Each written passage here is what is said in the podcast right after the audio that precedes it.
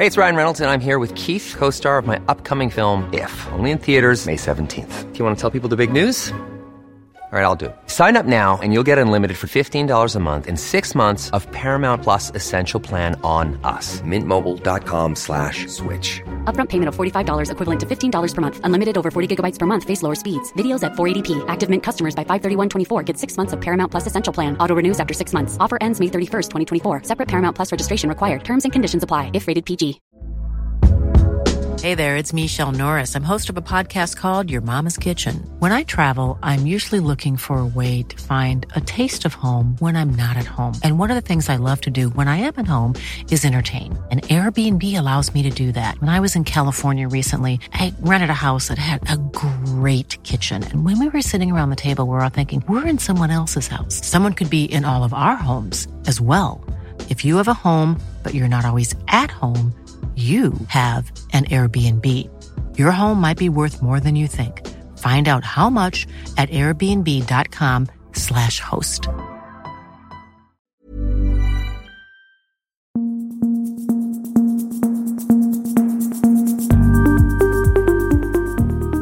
Och hjärtligt välkomna till Just nu Allsvenskan. Det är den 29 maj och eh, det är dagen efter ett Stockholmsderby. Ett Stockholmsderby som kantades av skandalscener i slutet, eller snarare sagt så var det väldigt turbulent överlag. Eh, dels så blev det förlust och det var ett stort publikkaos. Det har ju hänt mycket under det senaste dygnet, framförallt i AIK men även på förbundsnivå.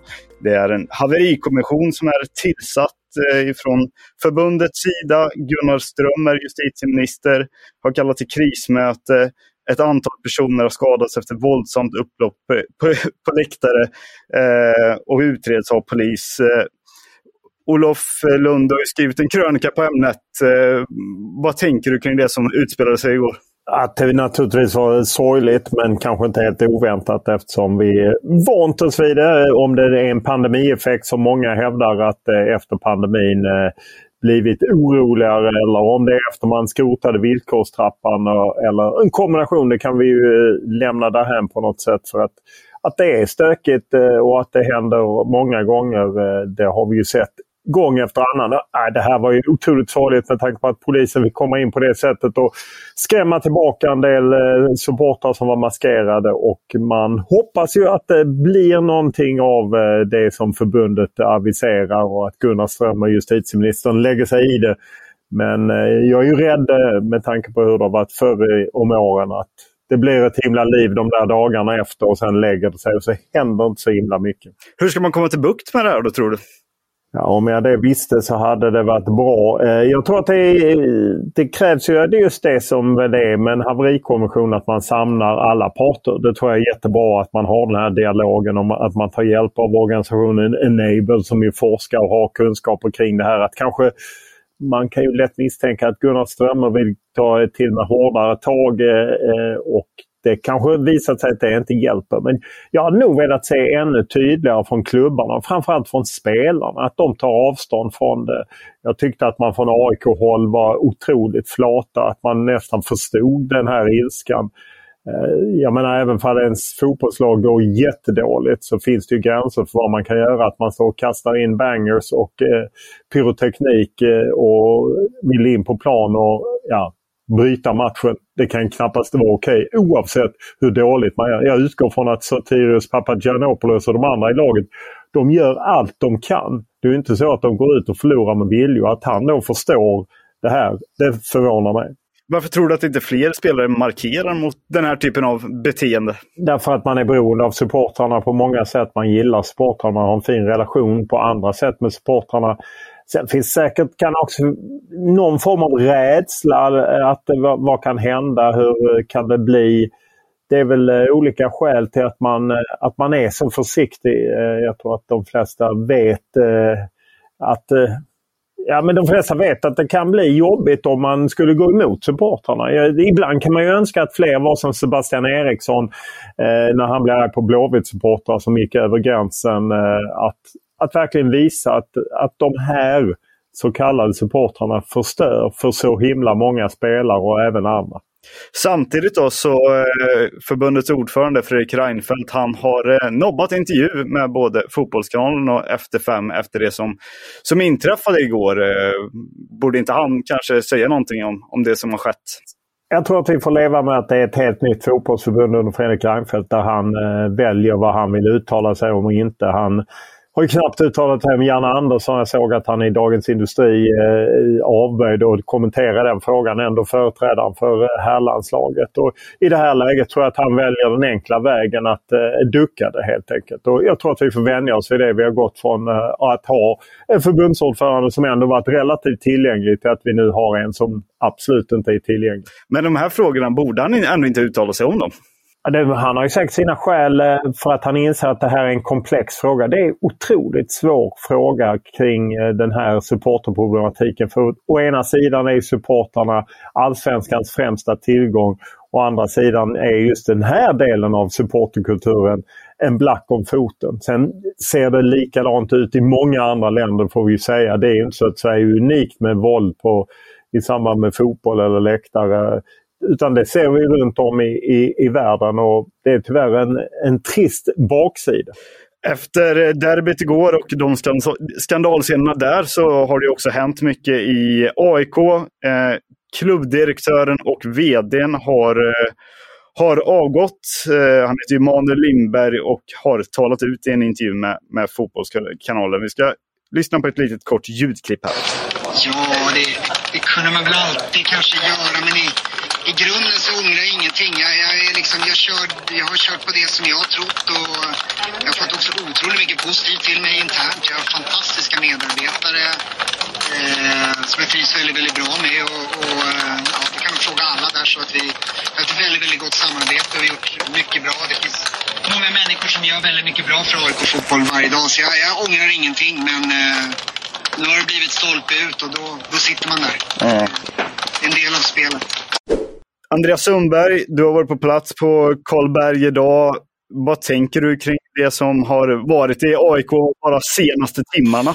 Att det är ett oerhört tryck på dem såklart. Eh, de kan ju senare ikväll ligga sist i Allsvenskan efter, efter tio matcher. Och då är det väl lite som nye sportchefen Thomas Berntsson säger att efter tio omgångar ungefär så får man en liten fingervisning hur bra ens trupp är och så vidare. Så jag tror att det här, det har ju blivit eh, blev det är speciellt från början. Man får ju backa bandet till när AIK valde att ta bort sportchefen Henrik Jurelius. Eh, och då hade man ingen ny sportchef klar. Och då fick Manuel Lindberg, då VD, eh, bli TF sportchef.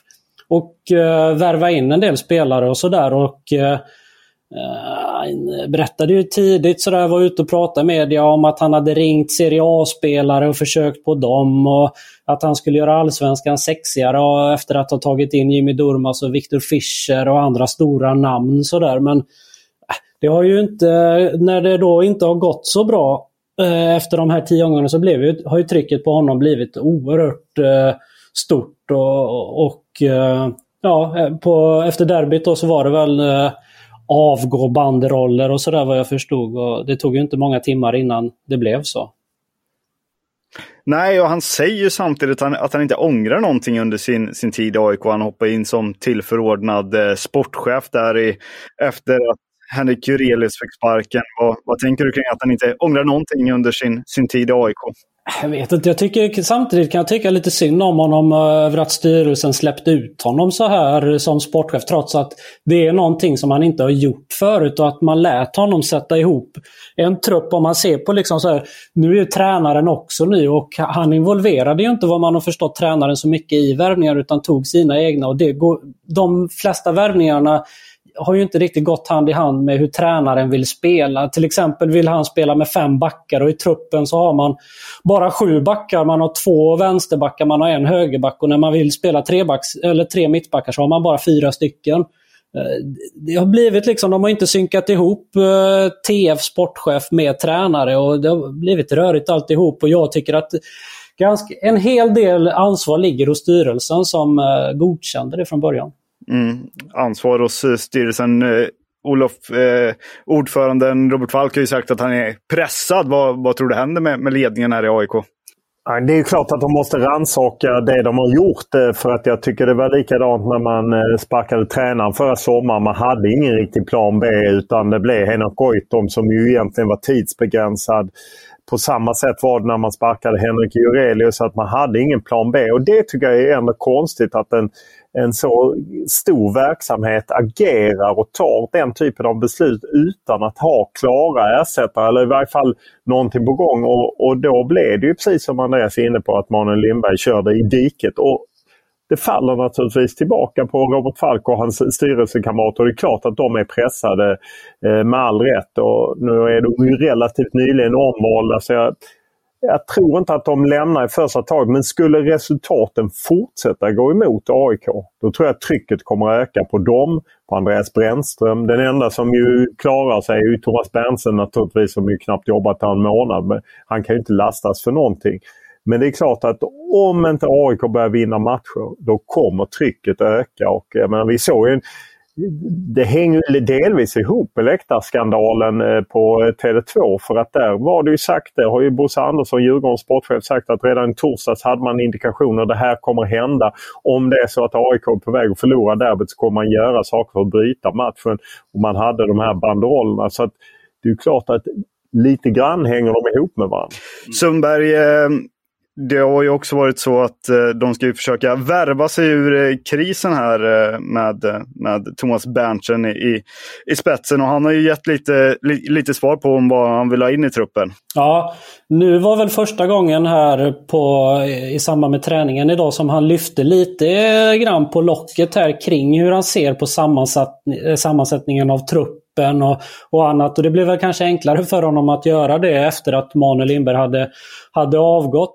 Det jag kan säga generellt är att eh, när man bygger en trupp så eh, man tänker på ålderssammansättning, man tänker på eh, positionell sammansättning och man, man tänker på ambitionssammansättning. Och, och som sagt, jag har varit här i tre veckor och Og sånn som det er nå, så har vi vært litt preg av at vi har fått en negativ med å ha mange rutinerte spillere, men at den har gått litt i stykker for oss.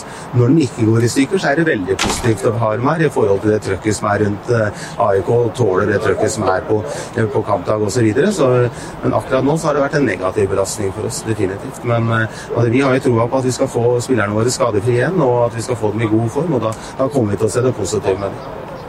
Din styrelse har redan sagt att du kommer att få pengar till att göra några värvningar här i sommar. Hur ser du på den biten? Är det viktigt? Det?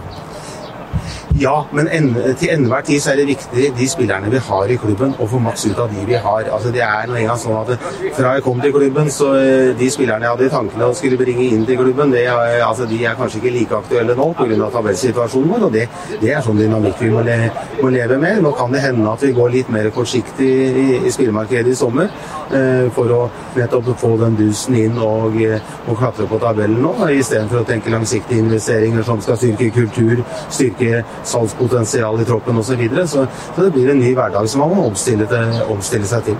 Er det noen lag, spesiell lagdel der du vil ha inn direkte her? Eh, så lenge vi spiller med fem bak, så har vi litt få forsvarsspillere, definitivt. Eh, vi har det. men, utover det så er det mye i forhold til skadesituasjonen, hvordan den utvikler seg. spesielt da i forhold til John og i forhold til Victor spesielt. Da, og, og se hvordan det blir. Det er jo to fantastiske angrepsspillere når de er skadefrie. Samtidigt då så eh, när du var på träningen där fanns Andreas Brännström tillgänglig eller hur var det? Nej, det, han fanns där men han fanns inte tillgänglig. Det var, det var då styrelsen som, som stoppade honom från att göra intervjuer med media idag. De gick ju ut, AIKs styrelse, i, det var väl i förra veckan med någon eh, grej på sin hemsida att man skulle strypa åt lite grann och inte göra lika mycket media som, som man tidigare tycker att man har gjort. Och eh, nu så, så motiveringen då som jag fick av presschef Stefan Melleborg var att eh, han hänvisade till den här då, det som de skrev i förra veckan på sin hemsida. Plus att man tycker att Brännström gjorde en hel del intervjuer efter matchen igår och att man därför valde honom eh, att låta honom fokusera på det sportsliga läget och att andas lite. Är det inte det anmärkningsvärt ändå att, att det är liksom hö, högre instans som sätter stopp för Brännström? Jo, men det kanske det är. Men jag, jag, tror väl på ett sätt så kanske det är smart i det här läget också med det trycket som är just nu och med Manuel Lindberg som avgick. Och då Thomas Bernt, lät man Thomas Berntsen gå ut till media vid Karlberg idag och svara på allting. Och han var ju tydlig med att det är fullt förtroende för, för tränaren och sådär. Och då tyckte väl de att det inte fanns mer att säga. Men det är klart att vi gärna hade tagit några ord med, med Brännström också. Hur ser du Olof på det? Ja, det är klart att man har hört. Det har ju hänt saker. Jag menar, bland annat Manu Lindberg som ju eh, har anställt eh, Brännström har avgått under tiden. Så det är klart att man har velat lyssna på honom. Men det här speglar väl lite det som Fredrik Reinfeldt håller på med i fotbollsförbundet också. Att man vill strypa kommunikationen, man vill strypa uttalanden, man vill på något sätt kontrollera sin historia och kanske då bara skicka fram Berntsen. Eh, det lilla man kan säga om Brännström är ju att han annars är oerhört medial, väldigt bra att ha att göra med. Och jag menar, Offside hade ju bara någon dag innan derbyt eh, lång intervju med honom att han tillhör den öppna sidan så jag tror inte det ligger på honom. Men uppenbarligen upplever man högst upp i AIK-ledningen att det här kan skada AIK. Han kan säga saker som kanske eh, visar att vi inte alltid drar åt exakt samma håll. Det blir väldigt spännande att se hur det blir. Nu är det väl vad är det, det är ett par matcher kvar innan sommaruppehållet. Om man verkligen kommer att ha, om man verkligen har fullt förtroende för honom, om Berntsen har det och ger honom en chans och värvar in spelare och så ger honom lite chans på sommar, efter sommaruppehållet också. Eller om man kör sommar, eller de här två matcherna eller tre matcherna eller vad det är, ut och sen så kanske ser hur det har gått, precis som du var inne på Olof. Nu har de ju till exempel en match utan båda vänsterbackarna som ju drog på sig rött kort. De har ju rätt skad, eller liksom sargad trupp. Man kanske låter honom köra. Det är ju ett rätt svårt läge om man skulle ta in en ny tränare. Så de här få matcherna som är kvar med tanke på hur det ser ut i truppen. Det, det är två matcher kvar, två hemmamatcher. Det är Kalmar FF på söndag. Påföljande söndag är det Elfsborg. Inte det lättaste motståndet, särskilt inte Elfsborg med tanke på vad de gjorde av eh, Malmö FF. Sen kan man säga Elfsborg på gräs är kanske inte lika bra som de är på konstgräs. Eh, så att två hemmamatcher i varje fall där man liksom kan samlas under en vecka. Sen efter det är det inte omstart förrän första juli borta mot BP. Eh, så att ska man byta tränare så är det ju då man ska göra det och knappast nu. Eh, för att även för att Thomas Berntsen går ut och säger att han har fullt förtroende för eh, Brännström så vet vi att man har förtroende tills man inte har det. Det vill säga att varför byta någonting nu med två veckor utan i så fall drar man med lite trådar och så har man i så fall en ny tränare redo att träda till eh, i samband med uppehållet. Har AIK gjort sin läxa då? Har de, eh, har de namn på en eh, lista eller vad, vad tror ni? Det vore anmärkningsvärt om Thomas Berntsen inte hade en namn på en lista. Eh, särskilt med tanke på hur det har inletts också. Det måste man väl alltid ha. Eh, oavsett om en tränare är dålig eller bra och kan bli attraktiv för andra uppdrag så måste man ju alltid ha den Eh, listan aktiv att jobba med. Så att, eh, visst måste det vara så Sundberg att de har några namn. Det tror jag absolut eh, att man har. Det var inte länge sedan som sådana här sportsliga ledningar gjorde jobbet kring vilken ny tränare man skulle ha. Så det borde finnas namn kvar på den listan kanske. Och sen så kommer ju en ny sportchef har kommit in i Thomas Berntsen och han har väl sina kontakter och eh, tränare kanske som han eh, skulle kunna tänka sig. Och så, där. så det tror jag absolut att det finns tankar. There's never been a faster or easier way to start your weight loss journey than with PlushCare. PlushCare accepts most insurance plans and gives you online access to board-certified physicians who can prescribe FDA-approved weight loss medications like Wigovi and Zepbound for those who qualify. Take charge of your health and speak with a board-certified physician about a weight loss plan that's right for you. Get started today at plushcare.com slash weight loss. That's plushcare.com slash weight loss. plushcare.com slash weight loss. Hey, it's Ryan Reynolds, and I'm here with Keith, co-star of my upcoming film, If, only in theaters May 17th. Do you want to tell people the big news? All right, I'll do Sign up now and you'll get unlimited for $15 a month in six months of Paramount Plus Essential Plan on us. Mintmobile.com slash switch. Upfront payment of $45 equivalent to $15 per month. Unlimited over 40 gigabytes per month. Face lower speeds. Videos at 480p. Active Mint customers by 531.24 get six months of Paramount Plus Essential Plan. Auto renews after six months. Offer ends May 31st, 2024. Separate Paramount Plus registration required. Terms and conditions apply if rated PG. Och mitt under eh, eftermiddagen här så har det också blivit officiellt att Hugo Larsson är klar för Eintracht Frankfurt. Eh, Olof, är det ett bra steg för Hugo Larsson? Det är ju en, ett spännande steg sett till Bundesliga och många klubbar där har varit fenomenala på att utveckla unga spelare. Jag menar allt från eh, Haaland till Jadon Sancho till Jude Bellingham och, och liknande. Sen är väl Alexander Isak ett exempel på någon som inte fick så många chanser. Men sen är det väl lite skakigt Eintracht Frankfurt eh, som har varit en framgångsrik klubb men som byter tränare Å andra sidan ger väl det spelmöjligheter till honom. Så jag kan förstå. Han ville ju inte till England och Bournemouth som var på gång. Han ville gärna till Bundesliga. Vi har ju pratat innan om att Borussia Dortmund var där och undersökte. Eintracht Frankfurt känns ju häftig och eh, det är ju en, eh, en cool klubb med bra eh, uppslutning kring det. Och sen eh, kan man notera det klassiska att när Aftonbladet hade uppgifterna igår så var det en väldigt hög eh, summa och nu så finns det andra uppgifter. Det varierar mellan då 130 miljoner eller vad det var. 123 miljoner till 93 miljoner beroende på om man ska tro Aftonbladet Fabrizio Romano på ena sidan eller tyska Sport 1 på andra sidan. Sundberg, vad tror du om den här flytten? Nej, men jag tycker den ser intressant ut och det är extra coolt med att Malmö säljer en spelare till, till Bundesliga som man själv har liksom... Han kom väl till Malmö som ung eh, pojke, som 12-åring tror jag och har tagit sig hela vägen genom akademi upp i, i A-trupp och slagit sig in i A-laget, tagit en ordinarie plats där, kommit med redan på landslagets januariläger och verkligen slagit sig igenom eh, Malmö FF och nu då den här tunga flytten till en bra Bundesliga-klubben och det är coolt. Och vi ska säga det att det är ett kontrakt till 2028 eh, så att det bör väl finnas en långsiktig plan för honom. Det gör det ju alltid när man gör den typen av värvningar. Samtidigt, det var ju likadant med Alexander Isak. Man måste ändå prestera det som är kanske tryggt med Hugo Larsson är att han känns så otroligt mogen och liksom balanserad. Vi var ju där i Portugal när han gjorde landslagsdebut, Sundberg. Visst är det, det är ingen genomsnittlig 18-åring. Nej, man ser ju direkt när man är där på plats vilka som sticker ut. Liksom. Och han var ju en av dem som stack ut. Samuel Gustafsson i Häcken som ju ordinarie i riktiga A-landslaget. Och så såg man Hugo och de två hade kemi tillsammans. Och när det är klart att för sin ålder så är det ju något extra. Ja, och sen väldigt mogen upplever jag honom vid sidan av eh, planen, plan. Vilket också tror jag är viktigt när man väl flyttar iväg utomlands. Det ska bli otroligt spännande att följa honom i Bundesliga.